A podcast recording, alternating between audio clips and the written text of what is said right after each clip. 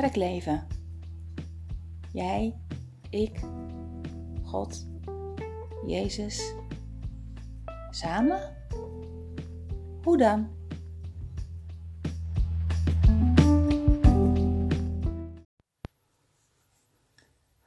Ontmoet jij Jezus wel eens? Gewoon zo door de, door de dag heen, ergens op straat of op je werk? Of... Kom je hem wel eens tegen? Um, ondertussen een aantal jaar geleden was ik onderweg naar uh, Engeland toe. Uh, bezoek van vrienden daar zo. En, uh, ik ging altijd met vliegtuig. En zodra straks de, de grenzen weer open zijn en we weer heen en weer mogen reizen. En het corona gebeuren ja, wat meer achter de rug hebben, dan zal ik het zeker weer doen.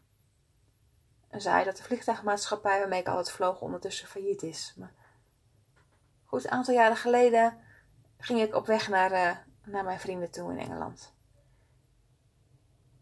En uh, ik ging met de trein naar Schiphol.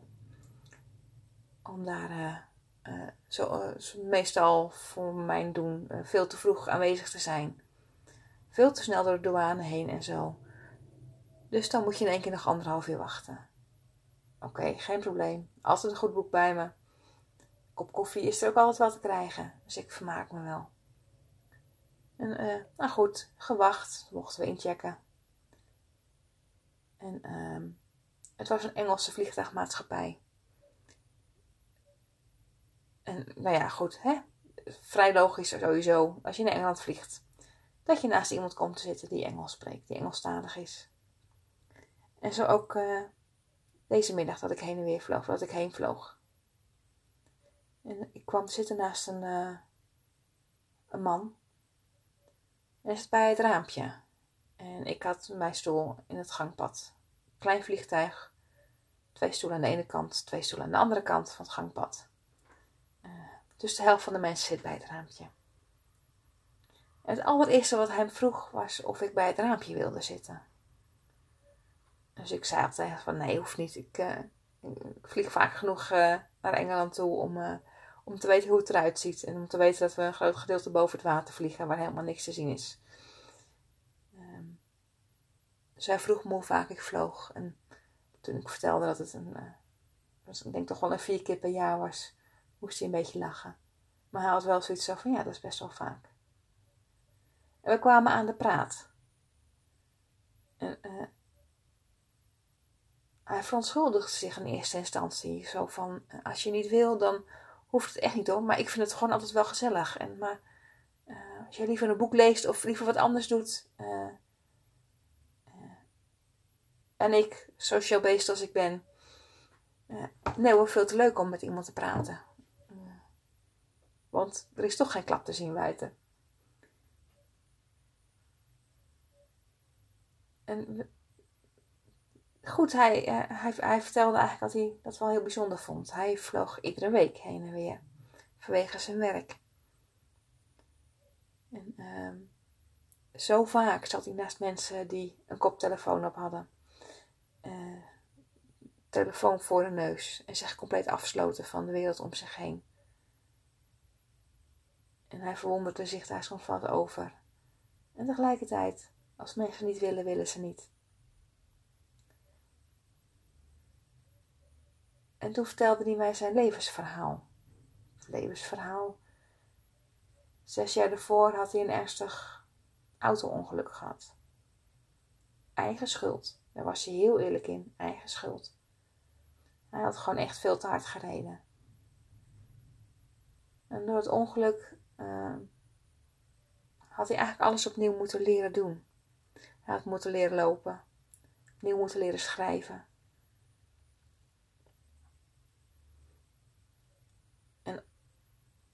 Waar hij het meest verwonderd over was, was over zijn vrouw en over zijn kinderen, die hem werkelijk altijd hadden gesteund in alles.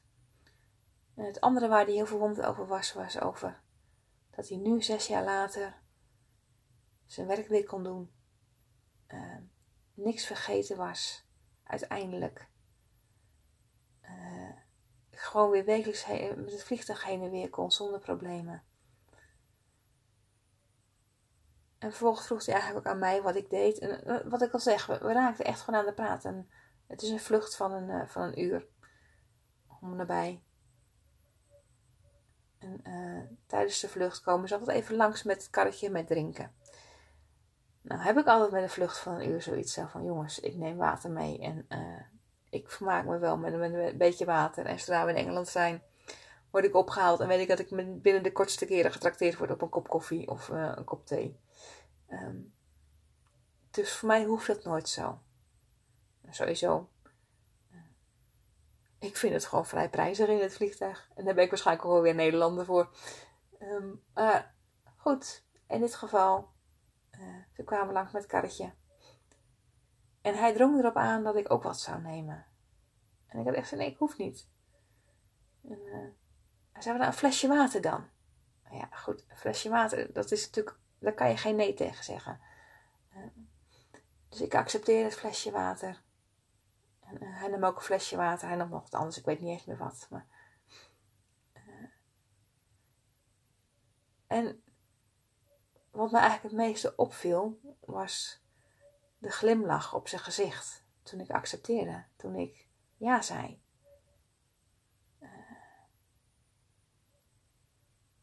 En Weet je, ook dat eh, verder niet meer bij stilgestaan, verder gepraat. Uh, en uiteindelijk landen we in, uh, in Engeland. En goed, ik sta altijd een beetje te hannissen om mijn koffertje weer tevoorschijn te krijgen. En volgens mij dacht ik zelf ietsje meer naar achteren toe, dus ik moest zelfs twee stappen naar achteren doen. Waardoor die eigenlijk voor mij uit al het vliegtuig uitliep. En, nog even gedag gezegd en weet je, hij liep voor me uit geen probleem. En ik heb met mijn koffertje en uh, liep ook het vliegtuig uit. En uh, daar op het vliegveld, maar had nog een stukje gewoon over het vliegveld heen lopen, netjes volgens de paden. En ja, dan kom je in Engeland. En dan uh, moet je daar door de douane heen. En dan sta je daar in de rij. En ik heb nooit geen haast. dus ik kwam als een van de laatste uit het vliegtuig. En ik liep gewoon in mijn dode akkertje naar de douane toe. Want dan moet je toch altijd wachten, dus waarom zou ik me haasten? En ik kwam eraan en ik wilde achteraan de rij sluiten. En toen stond die beste meneer die um, het naast me had gezeten, stond voor mij in de rij. En hij deed een stap opzij. En hij wenkte me en zei dat ik voor moest gaan. En goed, ja, had ik zoiets van, ah, hoeft helemaal niet. Maar ik heb besloten dat, om eigenlijk te zeggen, dankjewel. En uh, in mijn beste Engels uh, bedankte ik hem en benoemde ik dat hij zo'n gentleman was. En tegelijkertijd dat ik dat zo weinig meer zie. En toen kwam er eigenlijk iets, iets naar voren bij hem Ik kan zijn gezichtsuitdrukking bijna niet beschrijven, maar bijna alsof er een pijn kwam en een bevestiging. En hij vertelde me hoe het hem raakte dat ik ja kon zeggen en hoe ik hem die gentleman had genoemd. Omdat er zoveel vrouwen zijn die hem eigenlijk alleen maar afkatten in zijn gevoel. Eh, die zoiets hebben van: nee hoor, hoef ik niet, ik kan het allemaal zelf wel. Ik hoef geen hulp. Uh, Zo vaak bijna agressief. We zijn het zo verleerd om, en dan praat ik echt even als vrouw, we zijn het zo verleerd om uh, gewoon ja te durven zeggen. En ik heb nog veel nagedacht over deze ontmoeting.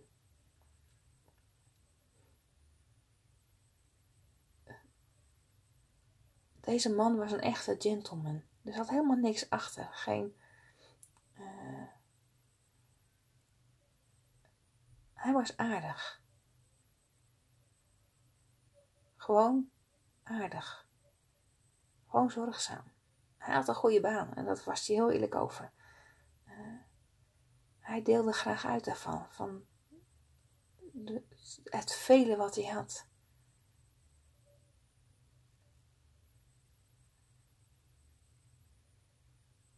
En hij merkte dat zoveel mensen geen ja durven te zeggen, niet durven te accepteren, niet durven te ontvangen, niet kunnen ontvangen.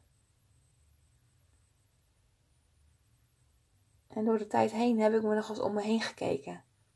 Uh, niet zozeer naar deze man. Maar is me wel opgevallen inderdaad hoe ontzettend moeilijk we het vinden om te ontvangen.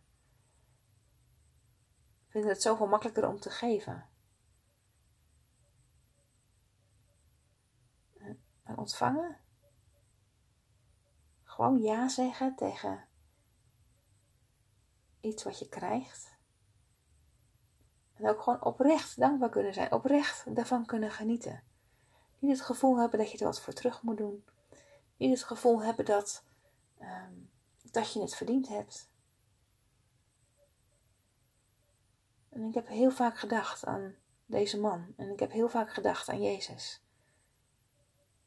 Ontmoette ik Jezus daar? Nou, het zou zomaar kunnen. Geen idee of deze man Jezus kent. Ik heb er niet naar gevraagd. Hij heeft het me ook niet verteld. Maar de vrijgevigheid,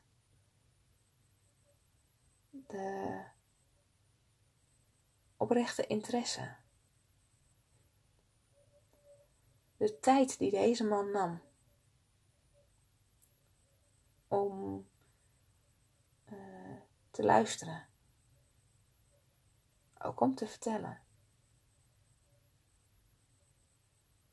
Ja, ik ontmoette Jezus daar in dat vliegtuig, daar op het vliegveld.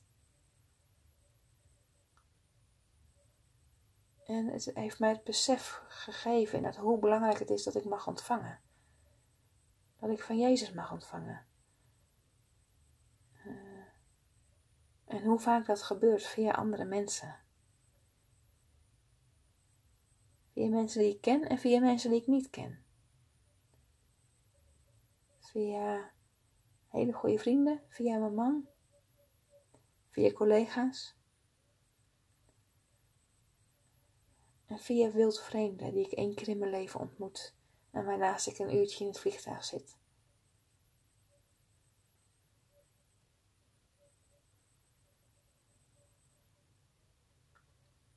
Ja, ik ontmoet Jezus op veel plekken. En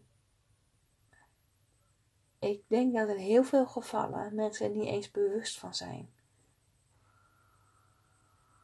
dat ze Jezus delen. En hetzelfde geldt ook voor mijn eigen leven. Hoe vaak ben ik er me bewust van?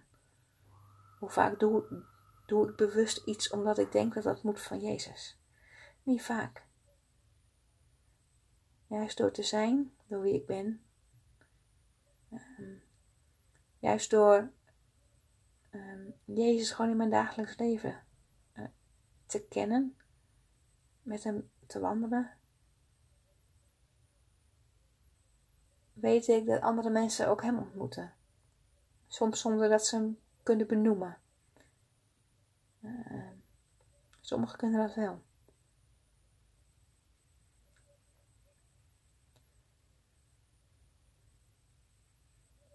En als je het hebt over samen, dan is dit voor mij samen.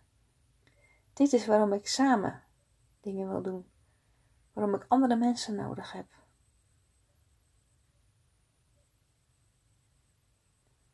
Een man in het vliegtuig die ik niet ken, is net zo goed samen voor mij als uh, mijn vriendin aan de overkant van de straat, met wie ik alles kan delen. En die me kan wijzen op, op, op Jezus. Die kan zeggen van, joh, Gertien, je draaft een beetje door. Oh ja, je hebt gelijk. Zullen we weer naar Jezus gaan? Ja, graag.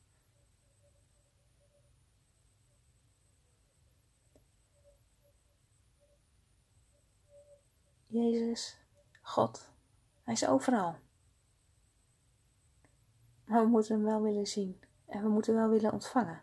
We moeten wel willen luisteren. Jezus zegt dat Hij eh, de blinden laat zien en de doven laat horen.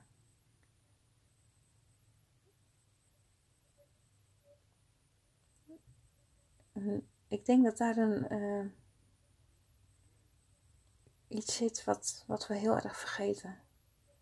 We denken te zien, we zijn zo vaak blind. Dat we zo gefocust zijn op, uh, op ons eigen leven, op onze eigen dingen.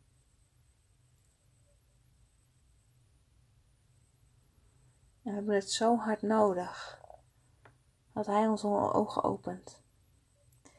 En dat doen we eigenlijk door naar Hem te kijken, door Hem te zoeken, door te luisteren. En naar gewoon de mensen om ons heen. En aan Jezus te vragen: Heer, open mijn oren, open mijn ogen,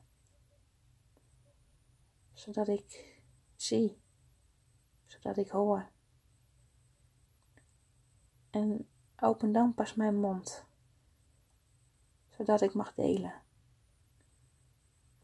En anderen kan laten zien waar en hoe en wie jij bent.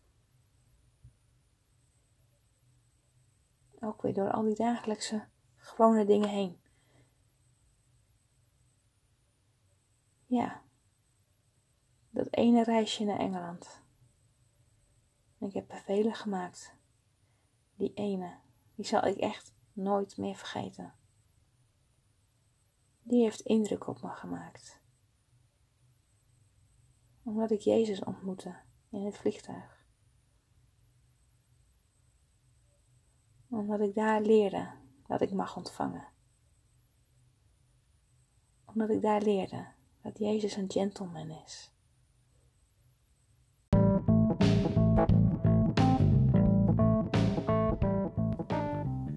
Samen? Dat kan via e-mail. Mail mij op info kerkleven.nl